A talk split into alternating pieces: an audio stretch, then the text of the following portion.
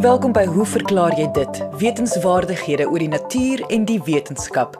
Jy vra die vraag en ons antwoord dit.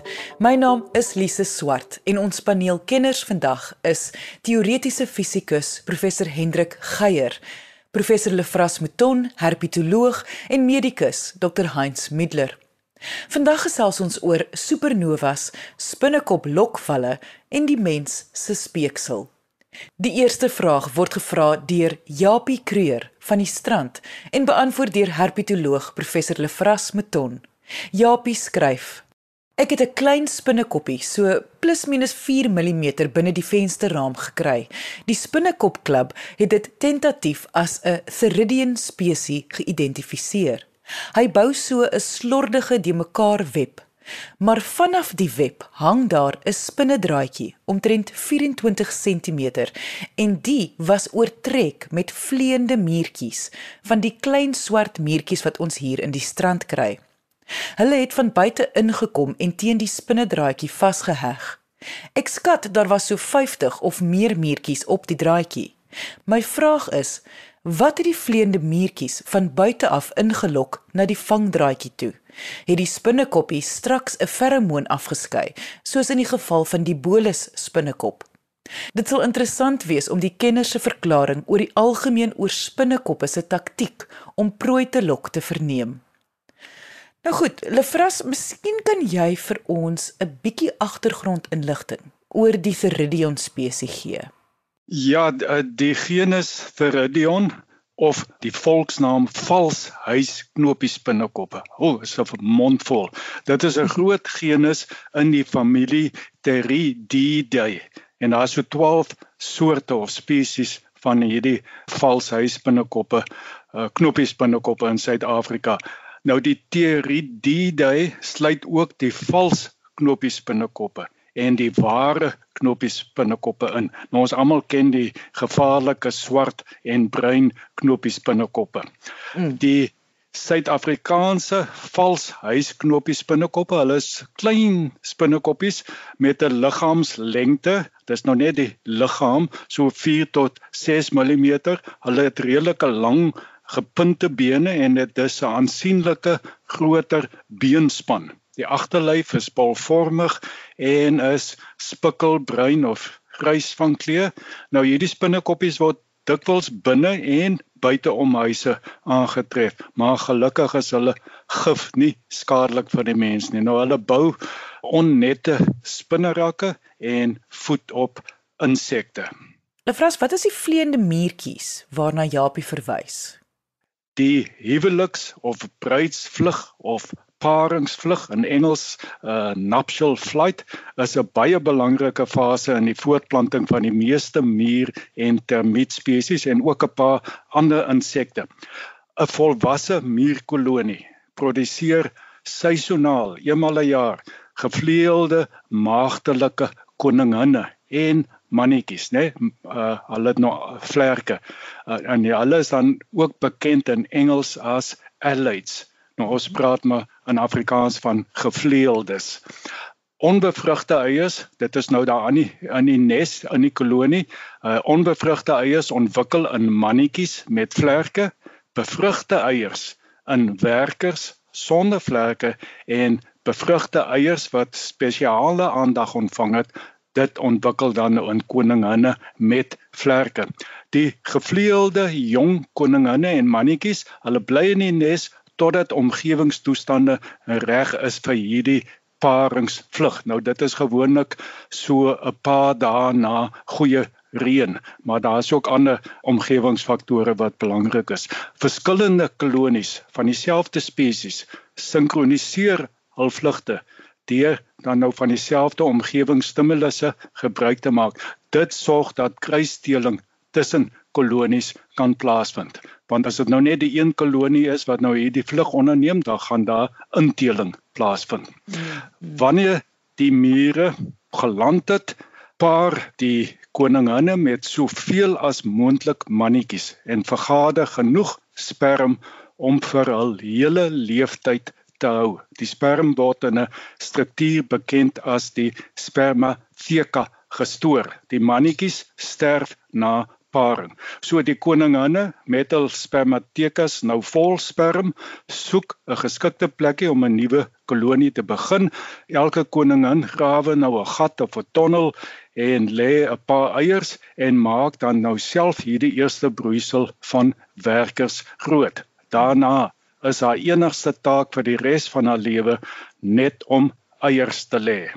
So die groot vangs van gevleelde mure deur Japie se spinnekoppie is gemaak tydens so 'n bruis of paringsvlug van die mure totdat duisende mure rondgeswerm het.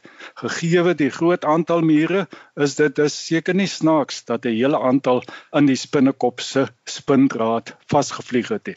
Ek lei af die spinnekop se vangdraad was binne die huis by die venster en as in gedagte gehou word dat die gevleelde mure na lig aangetrek sou word, was 'n goeie vangs, dis amper gegeewe. In sy vraag verwys Japie ook na die bolus spinnekop. Hy wou weet oor die feromoonafskeiding. Waarna verwys hy spesifiek? Voor ons by die Amerikaanse bolus binnekop kom, moet ons hom net eers seker maak dat almal weet wat 'n feromoon is.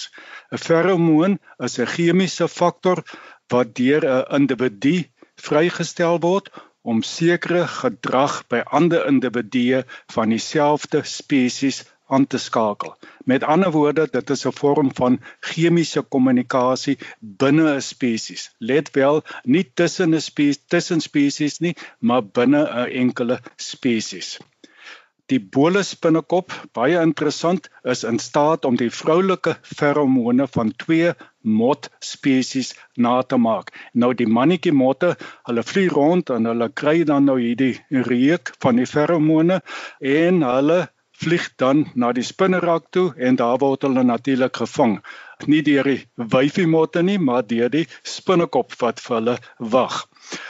Die naboots van feromone om insekte na die spinnerak te lok, het natuurlik sy nadele want omdat feromone so spesies spesifiek is, insekte reageer net mos nou op hulle eie spesies se feromone sal net een of twee insekspesies na 'n spinnerak aangelok kan word. So dit kan nie baie lekker werk hierdie tegniek nie.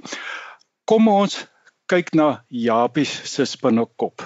Dit is so dat die koningin mure gedurende die bruidsvlug ook feromone afskei om die mannetjies aan te lok, maar dit is hoogs onwaarskynlik dat Japie se spinnekop die koningin muur se geslags feromone sou naboots om mannetjie mure na sy spindraad te lok.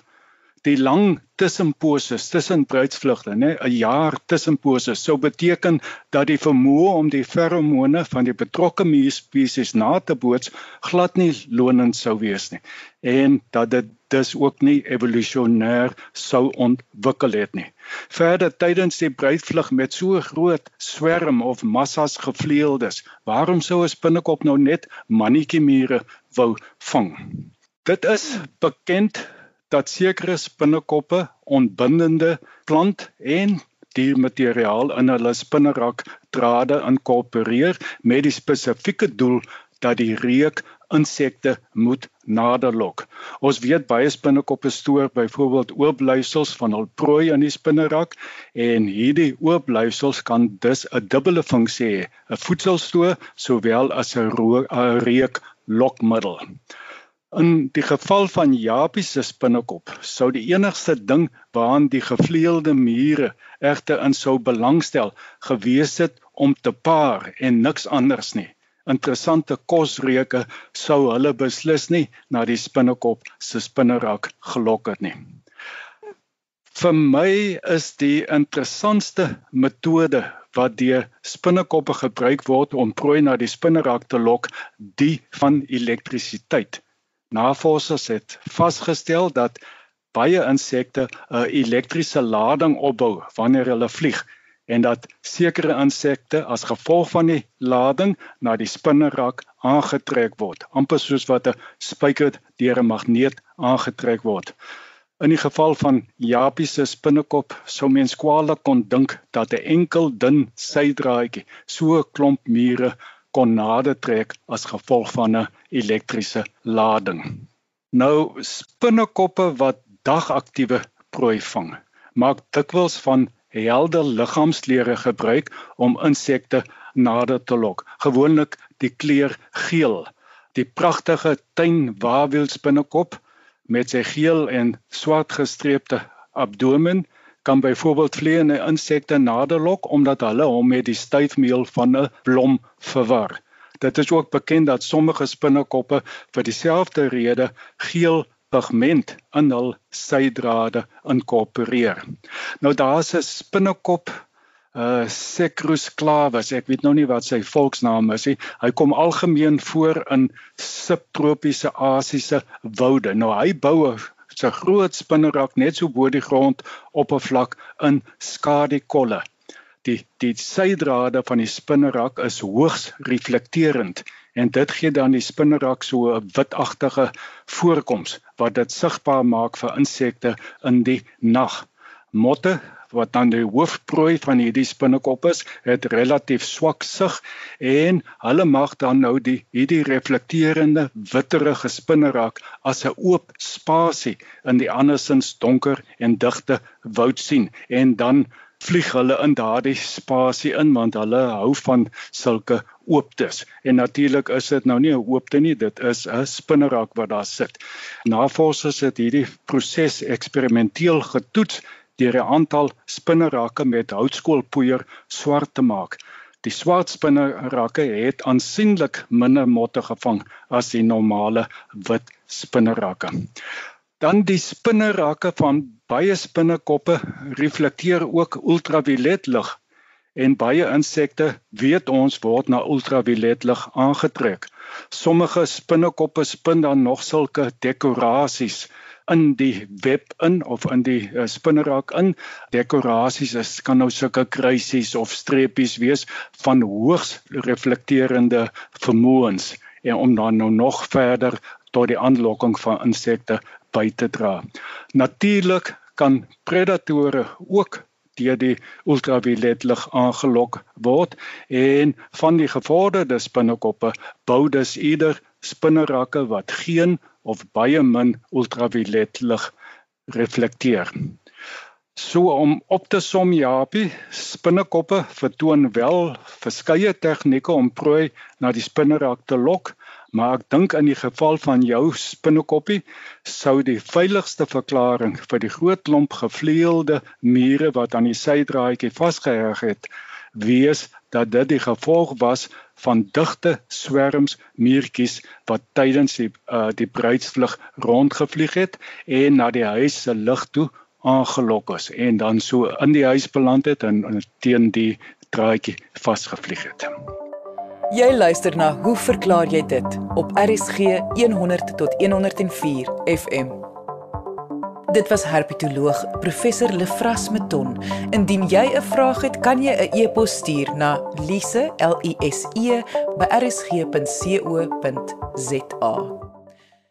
Ons volgende vraag vir die dag word deur Gideon Durant gevra en deur teoretiese fisikus professor Hendrik Geier beantwoord.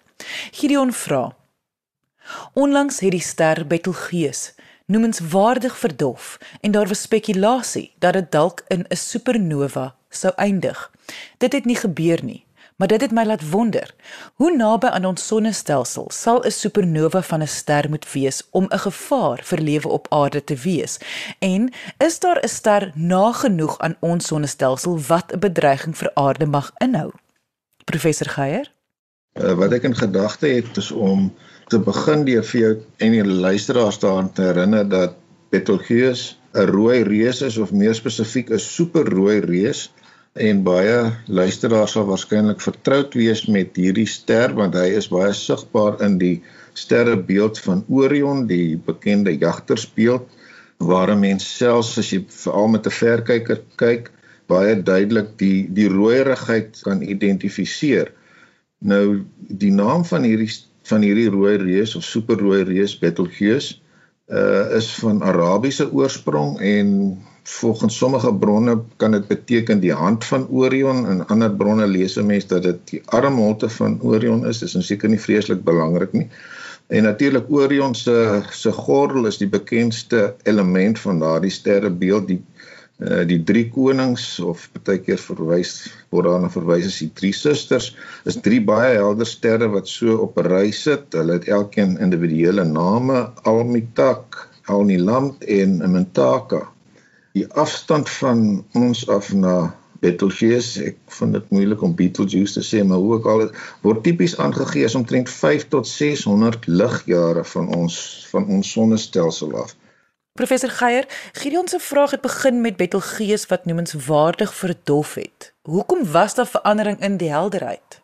Die veranderende helderheid van Betelgeuse wat aanleiding gegee het tot die bespiegeling uh, of die vermoede dat dit dalk binnekort in in astronomie is binnekort 'n term wat 'n lang periode kan impliseer uh, hoe ook al dat daai veranderende helderheid nie 'n onlangse waarneming alleen is nie maar dat iemand soos John Herschel 'n bekende Engelse sterrekundige al in 1837 en in 1839 agtergekom het dat daar 'n periodes was waar hierdie ster selfs helderder geskyn het as die bekende Rigel wat ook in uh, in die Orion konstellasie sit.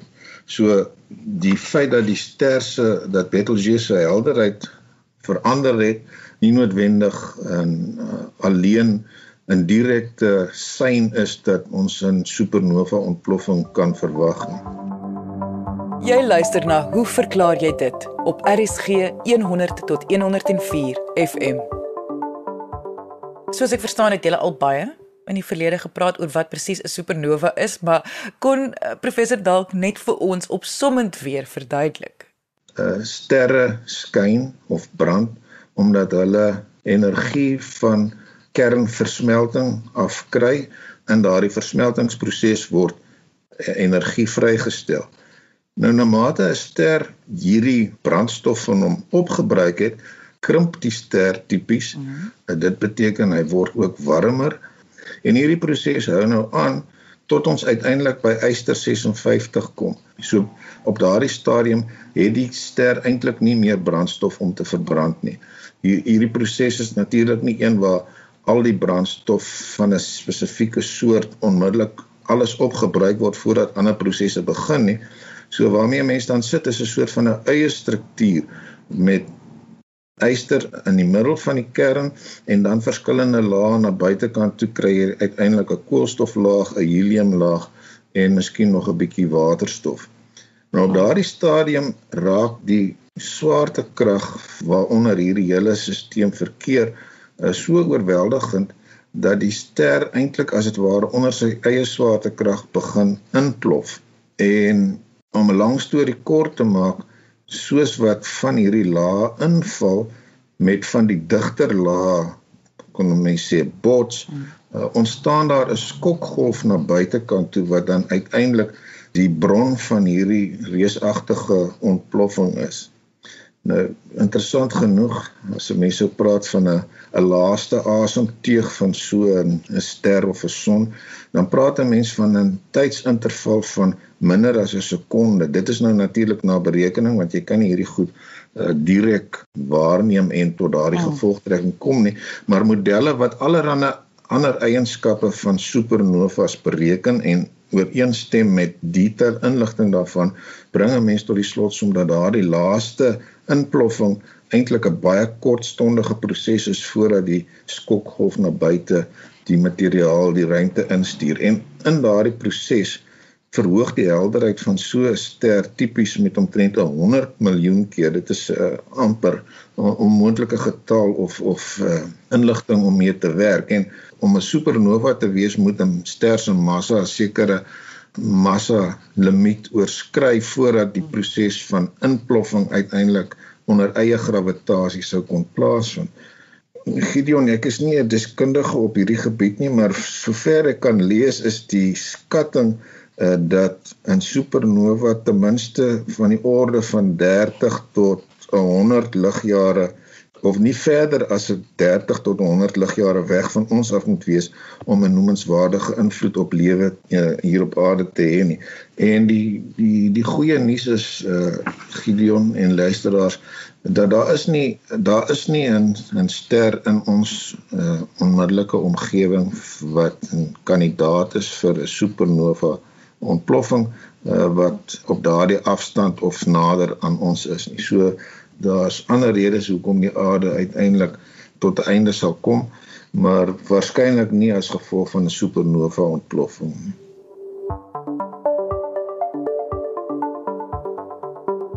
Dit was professor Hendrik Geier, teoretiese fisikus. Indien jy 'n vraag het, kan jy 'n e-pos stuur na lise l i s e by rsg.co.za. Dit is nou tyd vir ons kitsvraag wat deur medikus Dr Heinz Middler beantwoord gaan word. Heinz, hoe verklaar jy dit dat ons spoeg produseer? Kyk, ons produseer meer spoeg as wat jy dink. 'n Mens produseer omtrent 800 tot 'n liter tot 1 en 'n half liter spoeg 'n dag wat jy almekaar sluk in jou maag. Vir wanneer ons eet of wanneer ons begin dink aan kos of wanneer jy begin honger raak, dan produseer jy meer spoeg. So dit is hoekom hulle sê jy begin te kwyl van lekkerte want jy begin jou jy produseer meer spoeg sodat jou vir jou maag te sê hoorie so hier kom 'n lekker na hier kom kos jy moet begin maagsappe afskei en ensieme afskei om dit te verteer. So dis 'n teken dat dis hoekom die ou mense altyd gesê jy moenie kou gaan kou nie want jy jy jy weet jou maag raak net mekaar want hy verwag die hele tyd jy gaan kos kom en dan kom maar niks nie dan kom dit spoeg. So ons produseer almekaar spoeg. Nou ehm um, die die beheer van ons spoeg is onder ons autonome senuweestelsel. Nou kyk, jou autonome senuweestelsel beheer alles in jou liggaam waaroor jy nie hoef te besluit nie. Soos jou hartklop en jou asemhaling en jy weet daar's al jou al jou funksies, jou darmlediging, jou blaaslediging, daar's honderde funksies wat die autonome senuweestelsel beheer.